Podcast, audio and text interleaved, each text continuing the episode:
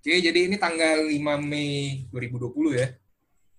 Tadi Ya. pagi sih ada Empat- berita itu ya apa eh, Didi Kempot meninggal kan tadi pagi. Didi- Iya, Didi iya. Kempot salah satu jam tujuan. jam 7 ya. Ya, gue tuh Jam pokoknya tujuan. bangun tidur jam 9 tuh gue ngeliat berita Didi Kempot meninggal sih. Gue sih nggak tahu banyak ya soal Didi Kempot ya. Dia pokoknya tuh kan musisi yang terkenal kan katanya ya, si Didi Kempot itu ya. Ya musisi daerah sih. Musisi Dia, daerah kan. Dia sering bikin apa namanya suka bikin iya. acara. Tapi kan. gue salut sih sama Didi. Hmm, banyak. Tapi gue salut sama Didi Kempot itu, Ble. Karena Didi Kempot itu lagu-lagunya itu Hmm. uh, uh, apa namanya dari bahasa daerah gitu dan penggemarnya juga banyak nggak dari orang-orang tua aja dari anak-anak muda tuh banyak kalau misalnya lu lihat di YouTube Oh yang itu yang ada itu orang anak muda tuh pada yang ada julukan apa Godfather of Broken Heart itu dari anak Nah, muda tau iya, nah, nah, iya, nah itu gue salut banget di seniman-seniman daerah itu bisa ngebawa anak-anak muda kita untuk tetap merespek bahasa-bahasa daerah gitu loh. Eh, Lu emang familiar ya masih Didi Kempot ya? Gue kurang karena Didi Kempot kan bahasanya Jawa ya, kalau nggak salah tuh Jawa, Jawa, Jawa ya, Jawa Oh, sih lagu-lagunya bahasa Jawa. bahasa Jawa, Oh. surah bahasa Jawa dan apa namanya ya, gue kurang ngerti juga lah bahasanya karena kan gue bukan orang Jawa gitu loh. Tapi gue pernah sekali dengar lagunya, dengar lagunya. Awal-awal gue kagak ngerti ble Hmm. lagunya tuh. Nih bahasanya apa gitu.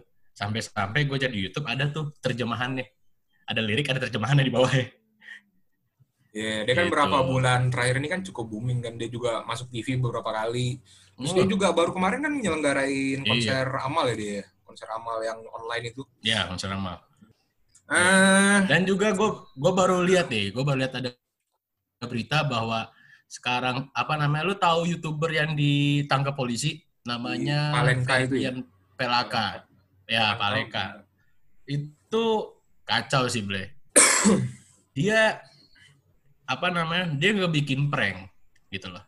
Dia nggak bikin prank tapi ngepranknya ngeprank maaf waria teman anak kan dan gue lihat YouTube-nya katanya untuk memberi pelajaran mengenai PSBB tapi kan nggak gitu juga. Lu bayangin aja dia bawa kotak dus Indomie isinya tuh diisi batu bata sama sampah terus dikasih kasihin otaknya di mana bos? Ya katanya tuh Dan dia itu ya. kemarin juga dia ngasih ke waria juga ya nggak salah katanya ya.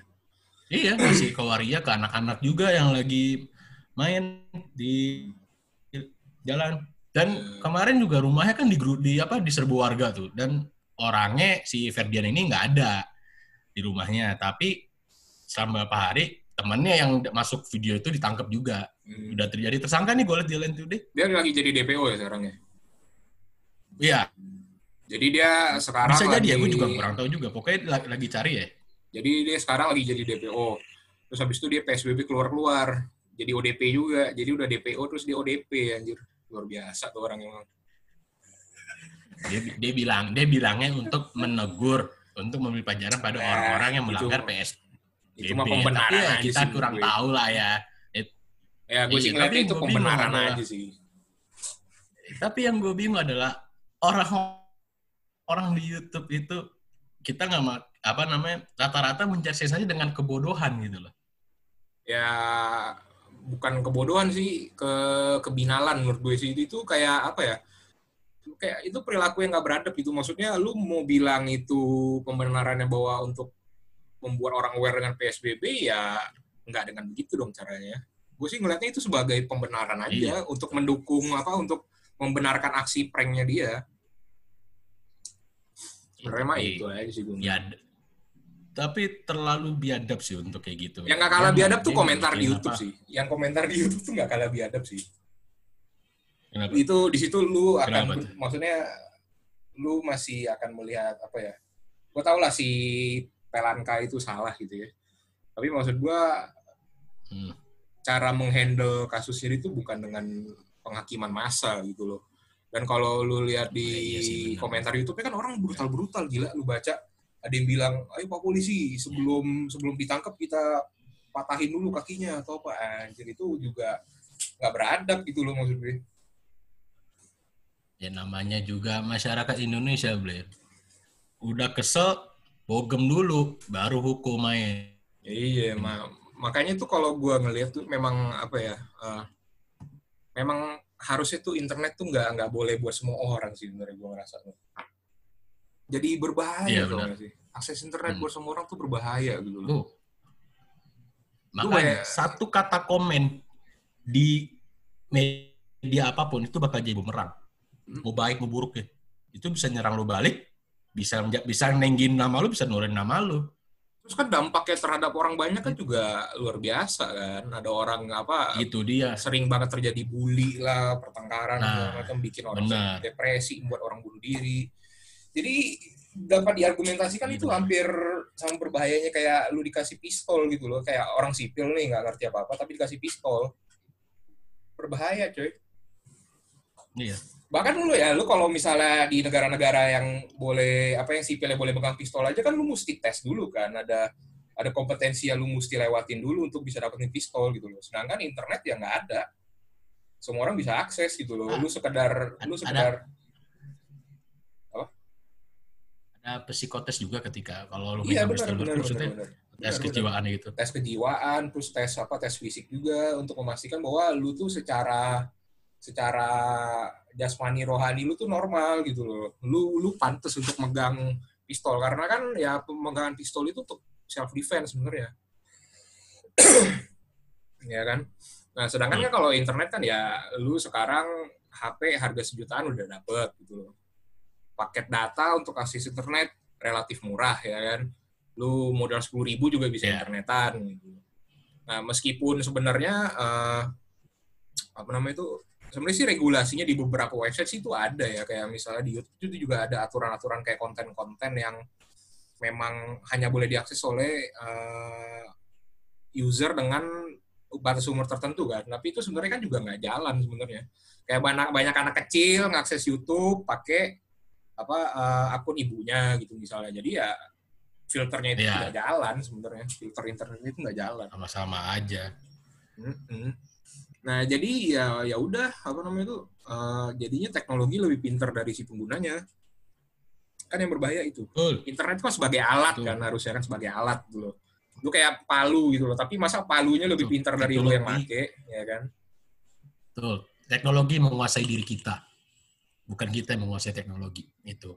Iya, maksud gue tuh itu. Apalagi kalau lu bayangin ya kayak kenapa di sosmed tuh orang binal gitu loh. Semudah itu untuk ngatain orang, semudah itu untuk ngejudge, semudah itu untuk menghakimi. Karena eh, kalau di internet lu bisa anonim, ya kan? Lu bisa pakai Ya, akun benar. bodong, lu bisa komentar orang seenak-enaknya lu. Itu kayak, jadi lu kayak punya topeng gitu loh. Lu kayak punya topeng, lu merasa diri lu aman nih di balik di balik layar, di balik layar komputer atau HP.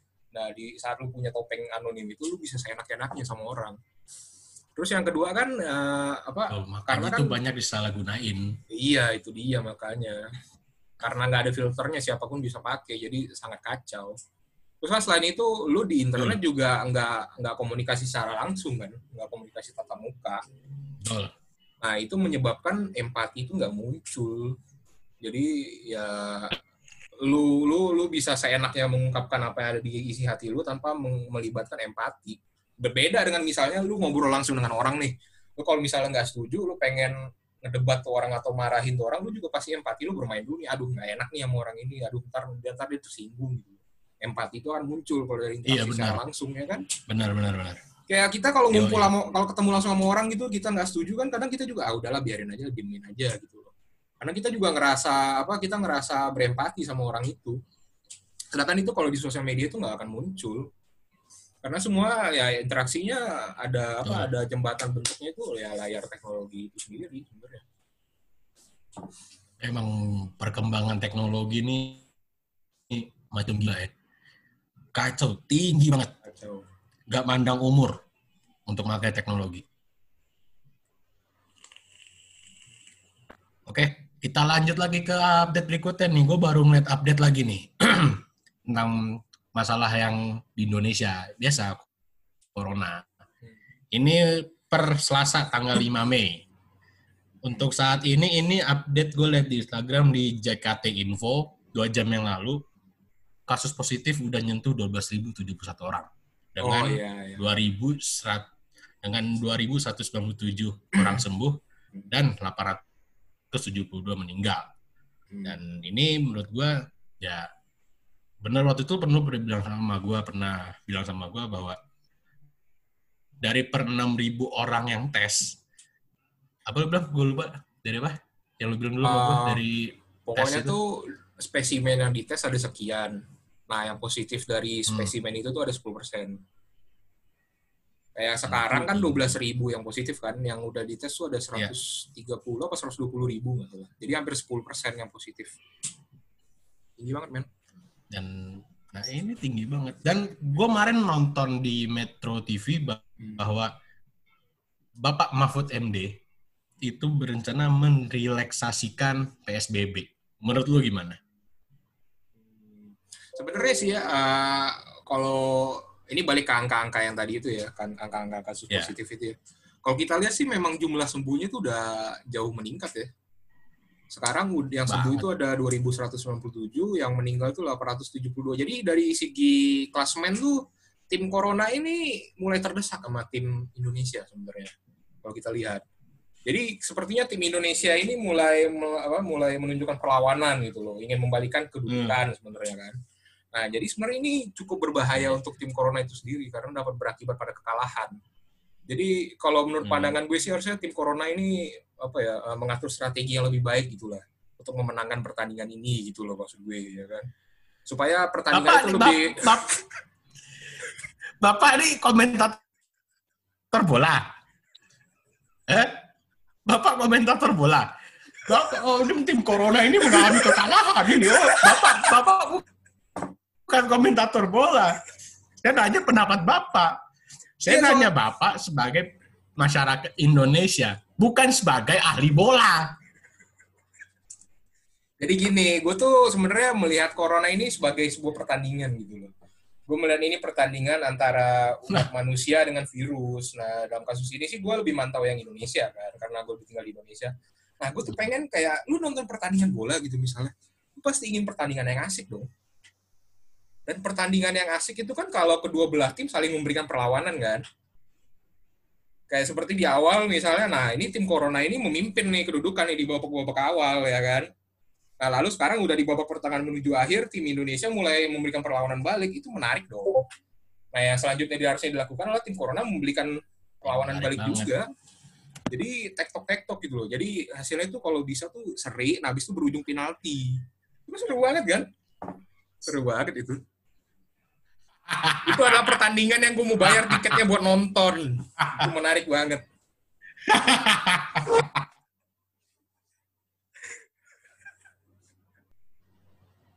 Ya sebenarnya sih kalau apa ya? Kalau gua melihatnya sih mending gue sih kurang setuju sih sama relaksasi PSBB itu ya. Soalnya selama kita kan mengalami karantina ini kan udah sekitar berapa lama ya? Hampir dua bulan ya, hampir dua bulan kan? Hampir dua bulan. Ya, hampir dua bulan kan. Nah sebenarnya itu gue mulai dari lewat sebulan terus gue sebenarnya udah mulai betah gitu loh dengan karantina ini. Jadi maksud gue, mumpung gue karena udah betah, Pak jangan dicabut dulu lah PSBB-nya Pak, jangan direlaksasi dulu. Gue masih pengen di rumah gitu loh. Ntar aja Pak, kalau gue udah mulai bosan nih, udah enak, udah empet ya kan. Nah ayo Pak relaksasi, gue dukung 100%. Tapi kan masalahnya kan nggak semua orang kayak, kayak lu, Rey. Memang. Kayak misalnya gue, gue pribadi orang- jujur ya, Eh, gue udah enak banget di rumah. hmm. Gitu, udah. Ya, gue udah mulai colong-colongan cabut, naik motor. gitu. Tapi tetap full gear, pakai sarung tangan, pakai masker gitu. Ya, gue bener-bener udah, udah jujur udah enak banget sih di rumah. Saking nggak taunya gue harus ngapain lagi. Waktu itu dulu, pernah gue cuci motor hari Senin. Cuci motor pagi-pagi. Sorenya gue cuci motor lagi. Saking Karena nggak tahu kerjaan. apa yang mau lakuin. Karena saking nggak ada kerjaan. Saking ya. nggak tahu. Iya, saking nggak tahu ya apa yang mau gue kerjain. Tapi sebenarnya kan udah mulai dua, gue tuh sebenarnya udah mulai beradaptasi gitu kan dengan kondisi karantina ini semenjak se- setelah sebulan lah. Menuju sebulan itu emang bete banget sih, bete banget di rumah. Nah sekarang udah menjelang dua bulan, udah apa ya, udah mulai beradaptasi, mulai betah. Sebenarnya tuh gue bisa aja gitu sampai bulan ketiga atau bulan keempat. Nah masalahnya itu sekarang lagi bulan puasa aja, jadi nggak bisa alkohol kan. Jadi alkohol itu sebenarnya juga membuat kita menjadi lebih betah di rumah juga nih sebenarnya.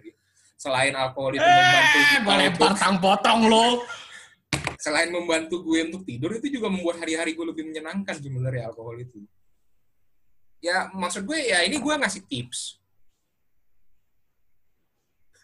Yang mungkin bisa Apa? dicoba, yang mungkin bisa dicoba. Iya. ya kan? Terus tipsnya Jadi- apa?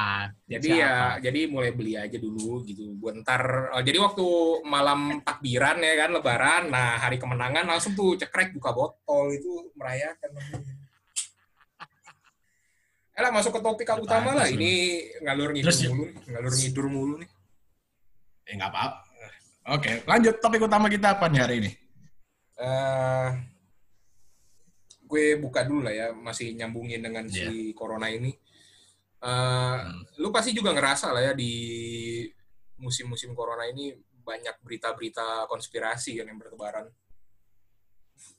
Konspirasi Banyak banget. terkait, nah mulai dari apa? Mulai dari corona itu senjata biologis, terus ada yang bilang katanya ini permainan Amerika dan segala macamnya. Bahkan sampai yang terakhir gue baca tuh ada yang bilang katanya ini ulahnya Bill Gates. Baca nggak lo? Ya, iya. Baru Ya kan? ngomong. Baru mau ulahnya ngomong. Bill Iya. Gates tuh. Itu Iya, iya. itu cukup ekstrim sih beritanya. Jadi eh, jadi si untuk singkatnya aja ya, jadi Bill Gates itu di tahun 2015 ya nggak salah. Dia kan ada bikin eh, TED Talk kan. Dia ada jadi pembicara di TED Talk gitu. Di Iya. di acara TED Talk itu dia membicarakan tentang bahwa kita sebagai peradaban manusia ini tidak akan siap apabila ada sebuah pandemi besar yang akan menyerang kita. Poinnya sih dia bilang begitu bahwa kita tuh harusnya segera mempersiapkan diri supaya nanti kalau ada pandemi besar itu datang, impact terhadap kehidupan kita di peradaban manusia ini tidak terlalu berdampak parah. Poinnya sih begitu sebenarnya. Nah, lalu eh, kalau lu lihat di YouTube itu view-nya meledak tuh di masa-masa pandemi corona ini. Nah, di kalau lu baca di seksi seksi section komennya itu sebenarnya terpecah menjadi dua audiensnya itu. Ada yang bilang bahwa Bill Gates ini visioner, dia mengatakan bahwa eh, Bill Gates sudah memprediksi kira-kira apa yang akan terjadi di masa depan gitu dan dia mewanti-wanti kita semua. Di sisi lain ada yang bilang bahwa sebenarnya Bill Gates sih dia sudah tahu bahwa kita tuh nggak siap dengan virus. Nah, makanya dia ingin menciptakan virus tujuannya untuk apa? Ultimate goal-nya si Bill Gates ini adalah jadi gini, Bill Gates kan dia sudah menghabiskan seperempat eh, seperempat miliar dolar uang dari Bill and Melinda Gates Foundation kan. Dia sudah menghabiskan seperempat miliar dolar dialihkan untuk me- menanggulangi corona dan menciptakan vaksin. Yang katanya vaksinnya ini katanya sudah mau jadi.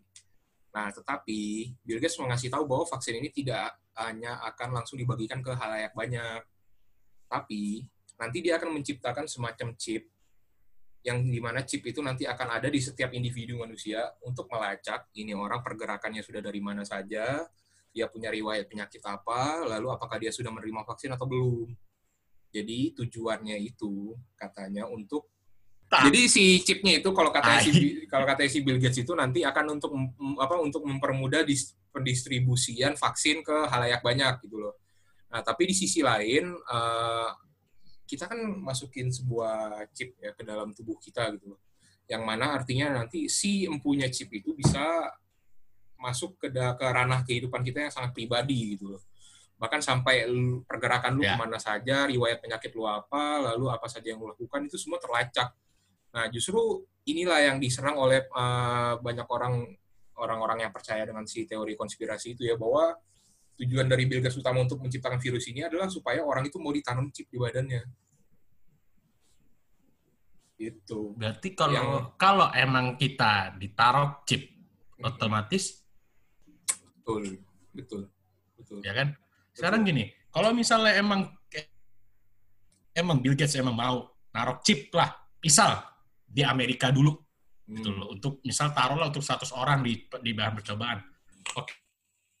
Ya lu nih, gue tanam chip, lu serah mau ke mana aja. Otomatis kan dari 100 orang itu lu nggak bisa nyembunyiin apa-apa gitu loh. Rahasia, rahasia apa rahasia yang cuman tahu beberapa orang termasuk keluarga itu bakal ditahu oleh yang punya chip, maksudnya yang ngebikin chip itu. Otomatis kan privasi itu udah udah nggak Iya.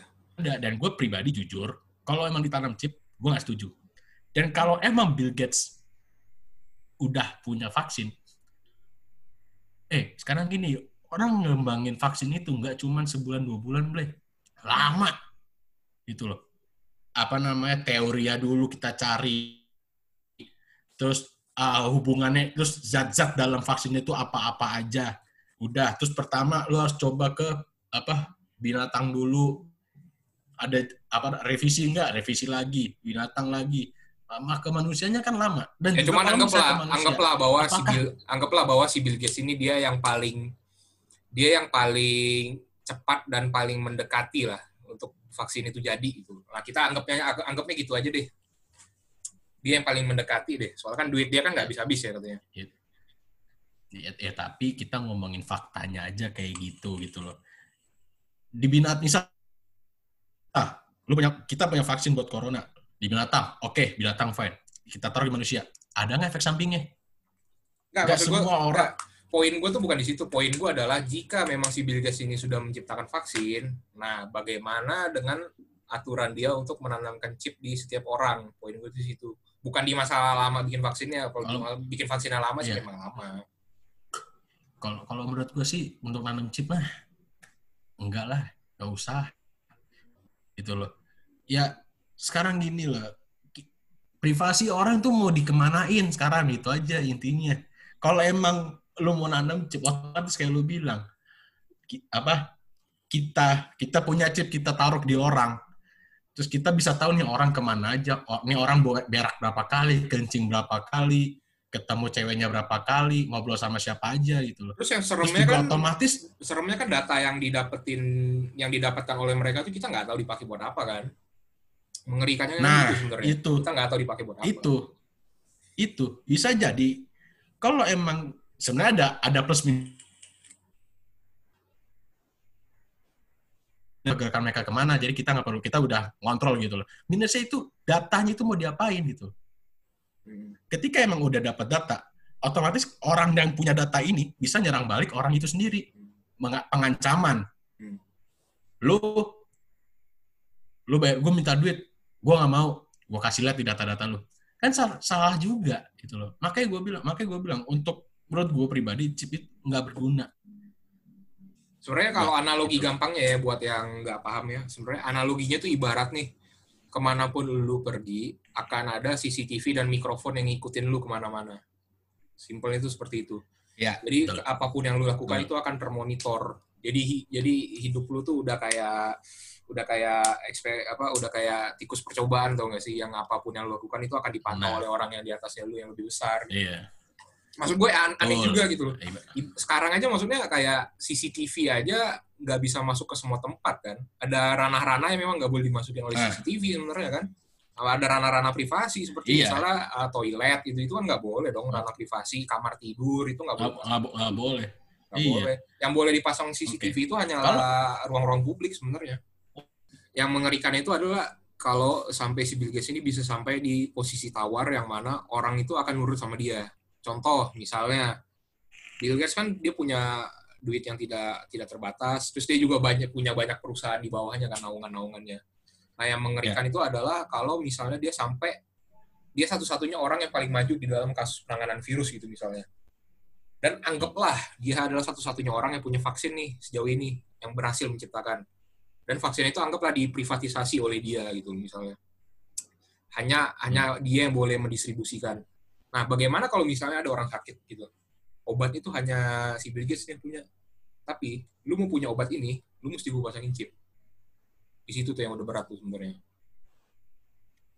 Kalau sampai itu sudah iya di sih, benar, benar. itu yang berat lu minta obat lu, lu minta obat dikasih chip lalu gue cuma lu hmm. cuma minta obat doang Ya, ya tapi sekali lagi ini kan konspirasi. Kita kan nggak tahu bener enggaknya gitu loh. Iya. Tapi ini cuman ini ini cuman bagi, bagi yang dengar ini cuman ini cuman teori kita berdua gitu yang kita dapat di internet gitu. Makanya ini kita ngebahas.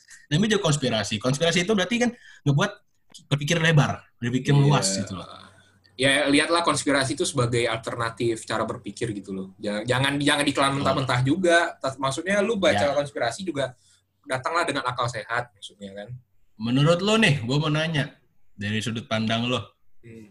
siapa yang harus bertanggung jawab atas penyebaran virus corona ini di seluruh dunia? Uh, kalau menurut gue sih WHO ya sebenarnya harusnya WHO tapi Kenapa? dalam karena WHO itu memang badan yang dipercayai untuk menangani kesehatan dunia secara global jadi harusnya WHO itu dia yang paling depan Hmm. untuk apa ya dia yang paling depan mewakili peradaban manusia ini untuk mengatasi permasalahan-permasalahan yang berkaitan dengan kesehatan. Nah di bawahnya itu baru ada di bawahnya itu baru ada negara, lalu di bawahnya baru ada kepala daerah dan segala macamnya. Jadi struktural gitu sebenarnya. Karena WHO itu kan kesepakatan sebuah negara sebenarnya. Ya meskipun sebenarnya kalau dibaca berita sih juga WHO itu juga banyak kontroversinya juga sih sekarang ya. Betul. Sampai Iya, si betul. si Donald Trump sampai nyabut apa funding dari Amerika ke WHO yang dia bilang katanya WHO terlalu Iya. banyak menutupi berita-berita benar dari apa terlalu banyak memihak ke Cina katanya. Jadi memang terlalu Hmm. banyak berita simpang siur sebenarnya terkait dengan masalah Iya. corona ini kan. Tapi banyak yang bilang juga Cina ya, China yang harus tanggung jawab ke seluruh dunia ini. Karena emang semua virus corona ini kan emang awalnya kan di Wuhan. Loh. Awalnya kan semua di Wuhan. Banyak orang yang mikir, yang bilang bahwa siapa yang tanggung jawab untuk virus ini? Cina. China.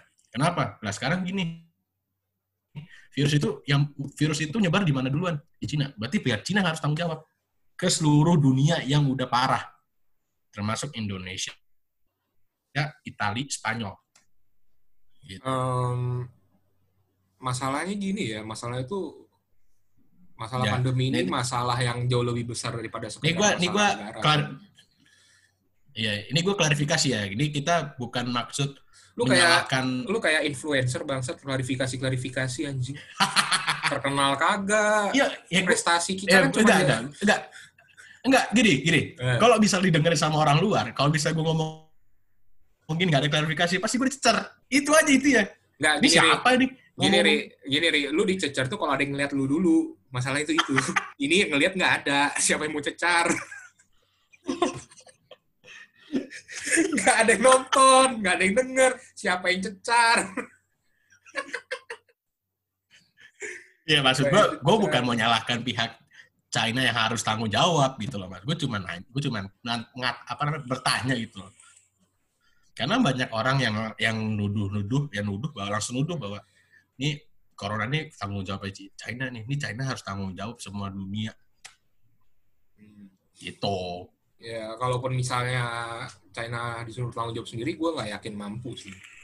Karena ini memang masalah ya apa ya? Ini memang masalah yang karena karena kalau misalnya peradaban manusia ini dibangun dengan pola pikir seperti itu nggak akan maju gitu loh.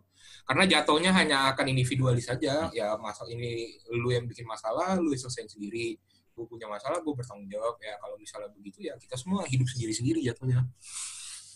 Kan memang Bukan makhluk sosial. Iya benar. Lagian kan eh, setiap kepala negara kan juga selalu berupaya untuk membangun hubungan baik antar negara kan. Tujuannya ya supaya kalau ada masalah bisa diselesaikan bersama-sama sebenarnya. Terus eh, terkait ini, ini masih ngebahas ini sih masih di kaitan tentang eh, apa namanya itu konspirasi sih ya. Lu lu tahu New World Order kan? New World apa tuh? New World Order. Jadi New World Order itu eh, jadi kalau menurut para teori konspirasi itu ada sebuah kelompok yang isinya itu orang-orang eksklusif. Jadi mereka ini ingin membangun sebuah tatanan dunia baru di mana tidak ada lagi namanya batas-batas negara, batas-batas wilayah, semua orang itu akan dipimpin oleh satu orang, oleh satu kelompok si New World Order ini. Jadi mereka ingin menjadi Tuhan gitu. Jadi mereka ingin pada dasarnya Oh. mereka ingin kayak ingin menguasai dunia. Kayak lu nonton kartun pagi kan hari Minggu, yang penjahat-penjahatnya kan ingin menguasai dunia tuh. Nah, itu kayak begitu, cuman ini versi dunia Iya. nyata. Kayak gitu. Iya. Mereka pengen menguasai dunia, semua orang nurut nih sama Oke, gue oke, nih. Lu nggak ada tuh namanya presiden tuh nggak ada tuh. Nah, ini kayak, kayak Sunda Empire, kayak, kayak Sunda Empire ya, kayak Sunda Empire. cuman Sunda Empire tuh itu itu dia, dia bukan yang original gitu loh, New World Order yang original gitu loh. Dia tuh dia tuh pengikut-ngikut doang, ngikut-ngikut doang dia mah. Ini nah si New World Order ini waktu itu gue pernah baca konspirasinya dia cukup cukup cukup radikal sih ya teori konspirasinya. Jadi untuk mencapai Hmm. tujuannya itu, di mana satu planet bumi ini hanya akan dipimpin oleh satu kelompok orang, mereka punya ide untuk memalsukan kedatangan Mesias jadinya. Jadi Gimana, kalau jadi si New World Order ini untuk mencapai tujuannya itu untuk membuat satu bumi ini tunduk pada satu uh, kepemimpinan yang absolut, mereka Hmm. Cara untuk mencapai itu adalah dengan menciptakan kedatangan Mesias palsu. Jadi kalau misalnya di Bible, di Alkitab ya, kan orang-orang bule kan menganut agama itu tuh. Nah jadi eh, untuk apa untuk meyakinkan orang untuk ngikut, jadi mereka ingin mendatangkan Mesias palsu untuk apa kedatangan Mesias yang kedua kalinya. Jadi kalau di Alkitab kedatangan Mesias kedua kalinya itu adalah kedatangan kedatangan kiamat jadi ceritanya. Nah, Hmm. bagaimana cara mereka membuat kedatangan Mesias palsu ini terlaksana? Itu kita tarik mundur lagi nih ke Bill Gates dan Google. Jadi si Bill Gates mereka mendanai sebuah proyek ri namanya itu proyek uh, Loon LLC namanya. Kalau lu cari di Google tuh ada. Jadi proyek Loon LLC ini tujuannya itu adalah membagikan akses internet ke daerah-daerah yang jauh dari kota besar. Dengan cara Nah, berarti. dengan cara mereka bikin balon, balon udara, balon udara, mereka terbangkan ke pelosok-pelosok dunia yang aksesnya itu jauh dari kota. Balon dunia inilah Hmm. yang akan mendistribusikan sinyal internet ke orang banyak yang ada di bawah-bawahnya. Jadi kayak menara sutet, tapi menara sutetnya itu terbang. Jadi dia bisa berpindah, Oh. dia bisa mencapai seluruh pelosok-pelosok dunia yang tidak terjamah oleh teknologi ceritanya. Nah, idenya bagus dong. Membagi internet ke Bagus, bagus. halayak luas kan? Iya. Bagi internet ke halayak luas. Ya, Tapi- tidak pandang bulu. Tidak pandang Men- bulu. mendekatkan yang jauh, mendekatkan, mendekatkan yang yang jauh. jauh. Ya. gitu kan? Nah, tapi Iya, benar, benar, dari benar, sisi teori konspirasinya bilang bahwa sebenarnya tujuan utama itu bukan itu. Iya. Tujuan utamanya bukan itu. Para orang-orang konspirasi ini bilang bahwa sebenarnya teknologi yang ada di dalam balonnya itu bukan untuk distribusi internet. Tapi di dalamnya itu berisi sebuah teknologi hologram canggih. Hologram canggih yang bisa mem- memancarkan visual tiga dimensi yang tidak kas- yang mata sendiri tidak bisa membedakan apakah itu asli atau palsu. Oke, oke, oke, oke. Jadi si Loon LLC ini kan menyebarkan balon-balon nih ke pelosok-pelosok bumi kan. Hmm. Jadi bumi ini nanti akan Ya. setiap setiap radius berapa ratus kilometer itu akan ada balon. Nah balonnya itu nanti apabila si New World Order merasa bahwa ini udah saatnya seluruh masyarakat bumi tunduk pada dia, balon-balon ini akan aktif memancarkan hologram. Hologramnya itu apa yang ditampilkan? Wujud dari Yesus dalam bentuk raksasa. Yang Oh, seluruh orang di oke. bumi bisa ngelihat. Beserta suara dan bewok-bewoknya itu akan kelihatan semua itu dengan baju-baju putihnya itu semua kelihatan jelas gitu loh. Jadi orang jadi akan di akan seakan-akan dibuat Tuhan itu datang untuk kedua kalinya di bumi. Setelah masyarakat kan melihat nih wah ini ada eh, apa ada Yesus datang. Mereka nggak bisa bedain karena hologram ini teknologi terlalu canggih. Lalu si hologram Tuhan itu dikendalikan oleh si New World Order. Maka si New World Order ini akan menyuarakan bahwa hei kalian semua manusia tunduklah padaku. Aku akan membuat sebuah tatanan dunia baru yang di mana semua manusia akan dipimpin langsung oleh Tuhan.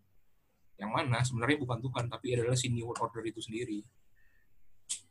Gua ngomongin gini merinding anjing. ya kan? Lu bayangin ini gue baca waktu SMP. Gue dapat gue baca berita ini waktu SMP. Ini sumpah gue merinding anjir. lu, cerita gini gue merinding tadi. Ayo lu, sumpah beneran demi, demi Allah, Rek. Merinding anjing gue. Ngeri kan? Wah, anjir udah, kan? udah, udah, udah, udah, udah, udah, udah sampai begitunya anjir. Hmm, sampai merekayasa kedatangan Tuhan. Gila nggak tuh? Seberapa gilanya itu ide.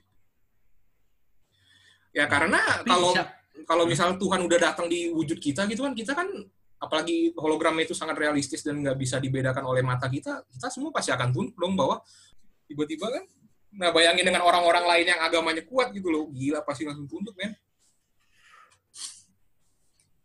Anjing merinding gila gue.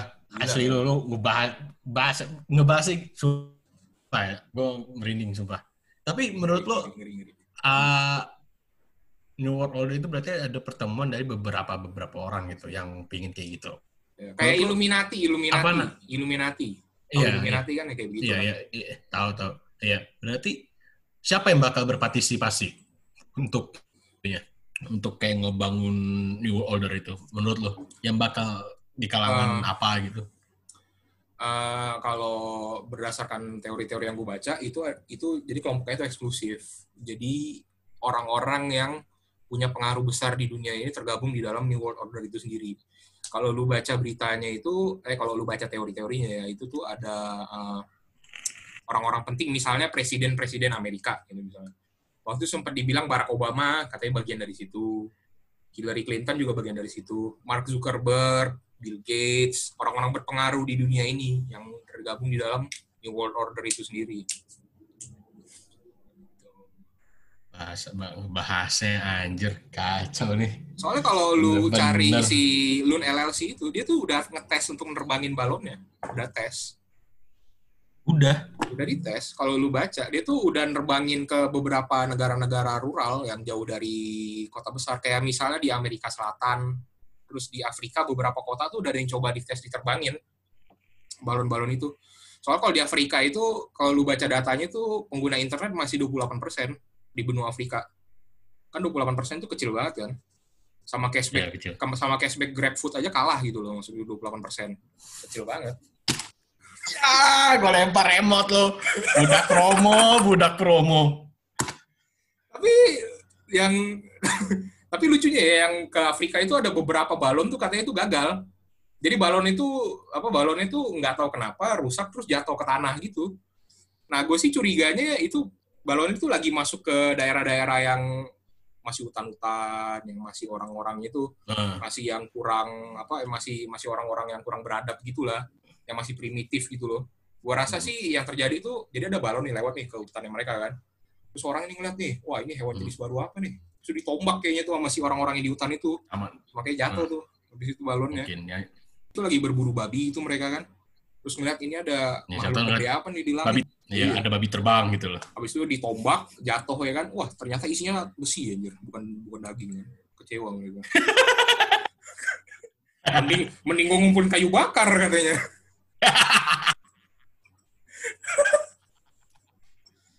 Aduh.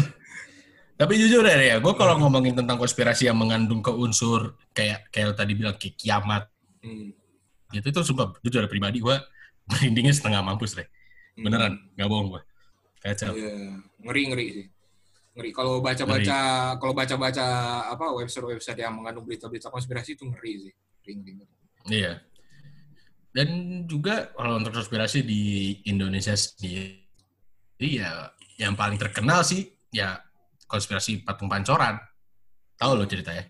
Iya, ya tahu gue. Ya, yang katanya dia nunjuk ke arah di mana harta Soekarno itu ditimbun.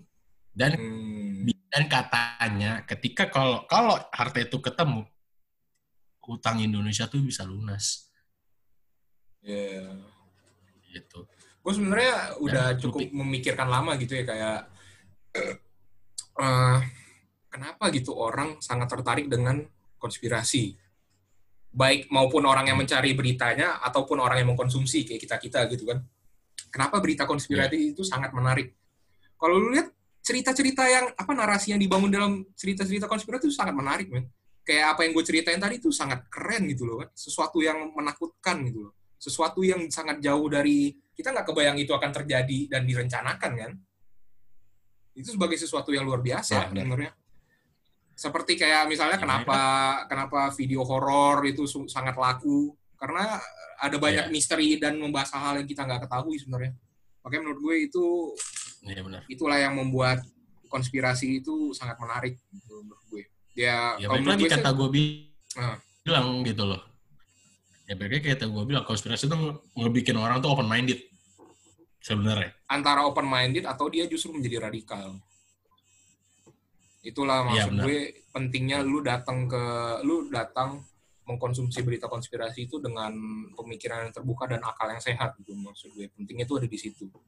Iya, iya makanya jangan lu nonton lu lihat konspirasi baca konspirasi lu ambil nih oh ini berarti intinya ini konspirasi ini beneran terjadi. ya, jangan gitu itu harusnya. berbahaya. Itu sangat Iya. berbahaya.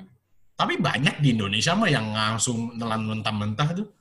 Banyak oh nih kan, oh nih ntar kayak gini-gini. Banyak banget, Re. Pasti. Jangan kan ya, konspirasi, gua hoax ya, saja masih hoax saja masih sering kena gitu loh. Ini lagi konspirasi Iya. yang jauh lebih ekstrim kan. Wah, udah tuh ditelan mentah-mentah langsung berbahaya. Makanya kesimpulan dari gue tuh memang harusnya tuh kita berinternet dengan kebijaksanaan dan kedewasaan yang cukup harusnya.